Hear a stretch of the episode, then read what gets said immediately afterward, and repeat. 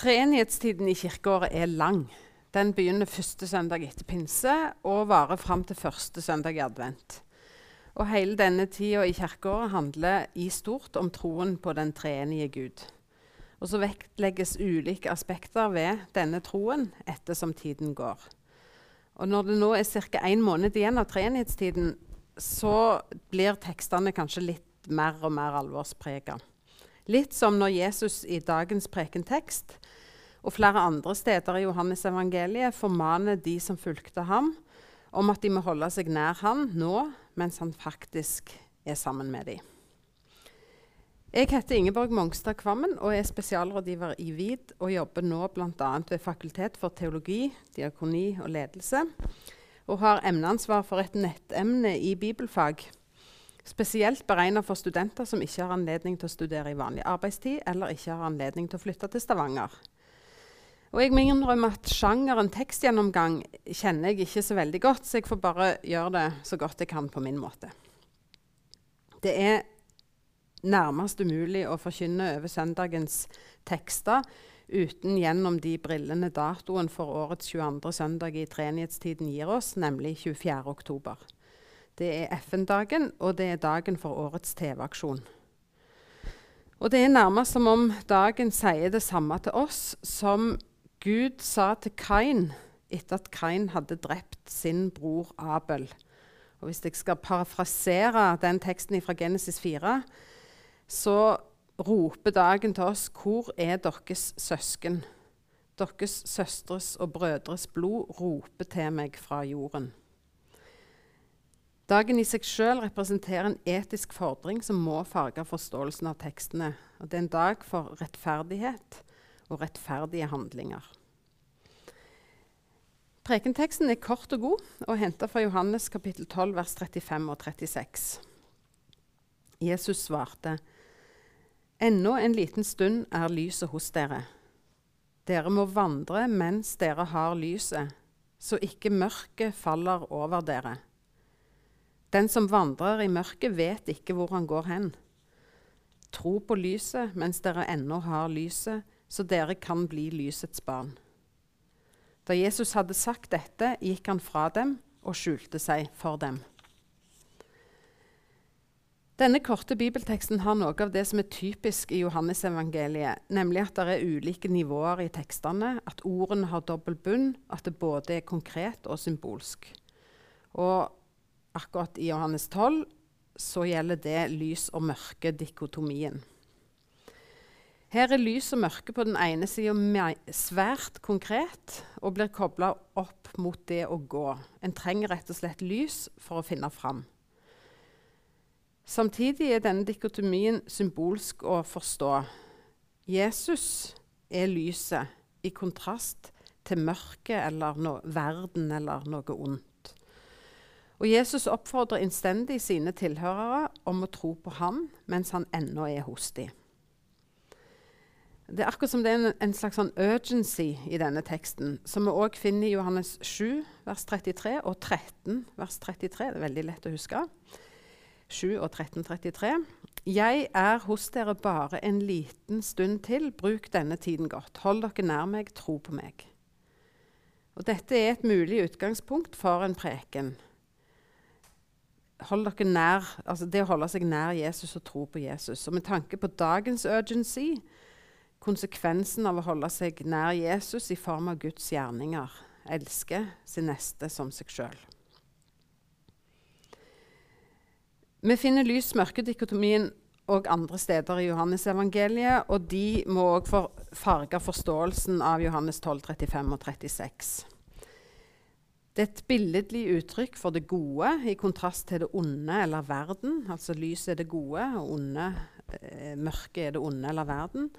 Eller enda mer presist, sånn som vi kan lese senere i kapittel 12, i vers 46 og 47, Guds frelse sendt til verden ved Jesus. I 12, 46 og 47 står det Som lys er jeg kommet til verden for at ingen som tror på meg, skal bli i mørket. Den som hører mine ord og ikke holder fast på dem, dømmer ikke jeg, for jeg har ikke kommet for å dømme verden, men for å frelse verden. Og Det poenget er for så vidt òg i vår tekst, men kanskje litt mer pakka inn. I kapittel 8 vers 12 så er det igjen veldig tydelig. Der sier Jesus, 'Jeg er verdens lys'. Den som følger meg, skal ikke vandre i mørket, men ha livets lys. Og Hvis vi jobber oss bakover eller framover til Johannesprologen og leser der fra vers 9 og, og 12, så står det 'Det sanne lys som lyser for hvert menneske, kom nå til verden'. Men alle som tok imot ham, dem ga han rett til å bli Guds barn, de som tror på hans navn. Så når Johannesevangeliet bruker metaforen lys-mørke, er et tungt tolkningselement rett og slett at det handler om at Gud sendte Jesus til verden for å frelse verden. I Johannes 9 og 3, eller motsatt, i Johannes 3 og 9 kommer den etiske konsekvensen ved å leve i lyset, eller ved å leve nær Jesus, tydelig fram. Og vår tekst må speiles også mot det. I kapittel 3 kan vi lese fra vers 19 til 21. Og dette er dommen. Lyset er kommet til verden, men menneskene elsket mørket høyere enn lyset fordi deres gjerninger var onde. For den som gjør det gode, unnskyld, for den som gjør det onde, hater lyset og kommer ikke til lyset, for at hans gjerninger ikke skal bli avslørt. Men den som følger sannheten, kommer til lyset, så det skal bli klart at hans gjerninger er gjort i Gud. Og I kapittel 9 kan vi lese så lenge det er dag, må vi gjøre Hans gjerninger som har sendt meg. Det kommer en natt da ingen kan arbeide. Så lenge jeg er i verden, er jeg verdens lys. Så når vi leser kapittel 12, vers 35 og 36, altså prekenteksten, med FN-dag og TV-aksjonsbriller på, så ser vi også at disse brillene er å finne i Johannes evangeliet sjøl, når det der skrives om lysets relasjon til Guds gjerninger. Og Her finner jeg den tydeligste broen over til lesetekstene og fortellingsteksten for kommende søndag. Den første leseteksten er henta fra Ordspråkene, kapittel 6, vers 20-23. Hold fast på din fars bud, min sønn. Forkast ikke rettledningen fra din mor. Bind dem alltid til ditt hjerte, knytt dem om halsen. Når du går, skal de lede deg, når du ligger, skal de verne deg, og når du våkner, skal de tale til deg. For budet er en lykt, rettledningen er et lys, formaning og tilrettevisning er veien til livet. Denne teksten setter på poetisk vis Guds rammeverk for våre liv. Og dette rammeverket knyttes direkte til familien, hvor far og mor gir budene og rettledningen som følger disse budene. Og her er det for så vidt òg en dobbeltbunn, for dette kan handle om oppdragelse. Men det er òg klart at det handler om eh, troens oppdagelse. Det handler om Guds bud, som er en lykt, og rettledningen til disse, som er et lys. Jf. Salme 119, vers 105.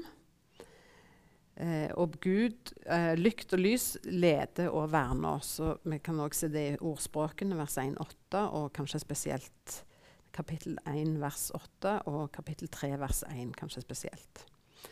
Men her er det òg intertekstualitet til 5. Mosebok, kapittel 6, vers 4-9, altså selve eh, Shema. Eh, det er jo på en måte loven oppsummert.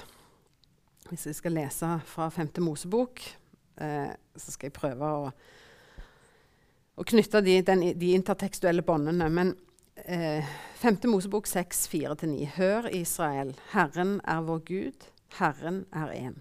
Du skal elske Herren din Gud av hele ditt hjerte, av hele din sjel, av all din makt.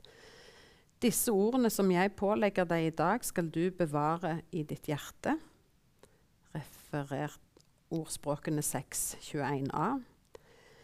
Du skal gjenta dem for dine barn og snakke om dem når du sitter i ditt hus. Ref. ordspråkene 6.20. Og når du går på veien, når du legger deg, og når du står opp. Ref. ordspråkene 6.22. Du skal binde dem om hånden som et tegn og ha dem på pannen som et merke. Ref. ordspråkene 6.21. Og du skal skrive dem på dørstolpen i huset ditt og på portene dine. Her ser vi altså at teksten fra ordspråkene reflekterer og speiler og er intertekstuell til 5. Mosebok kapittel 6. Og når da lys og lykt i ordspråkene er bud og rettledning, så kan en òg si at det bør speiles i forståelsen av lys i Johannes evangeliet, i vår tekst i Johannes evangeliet.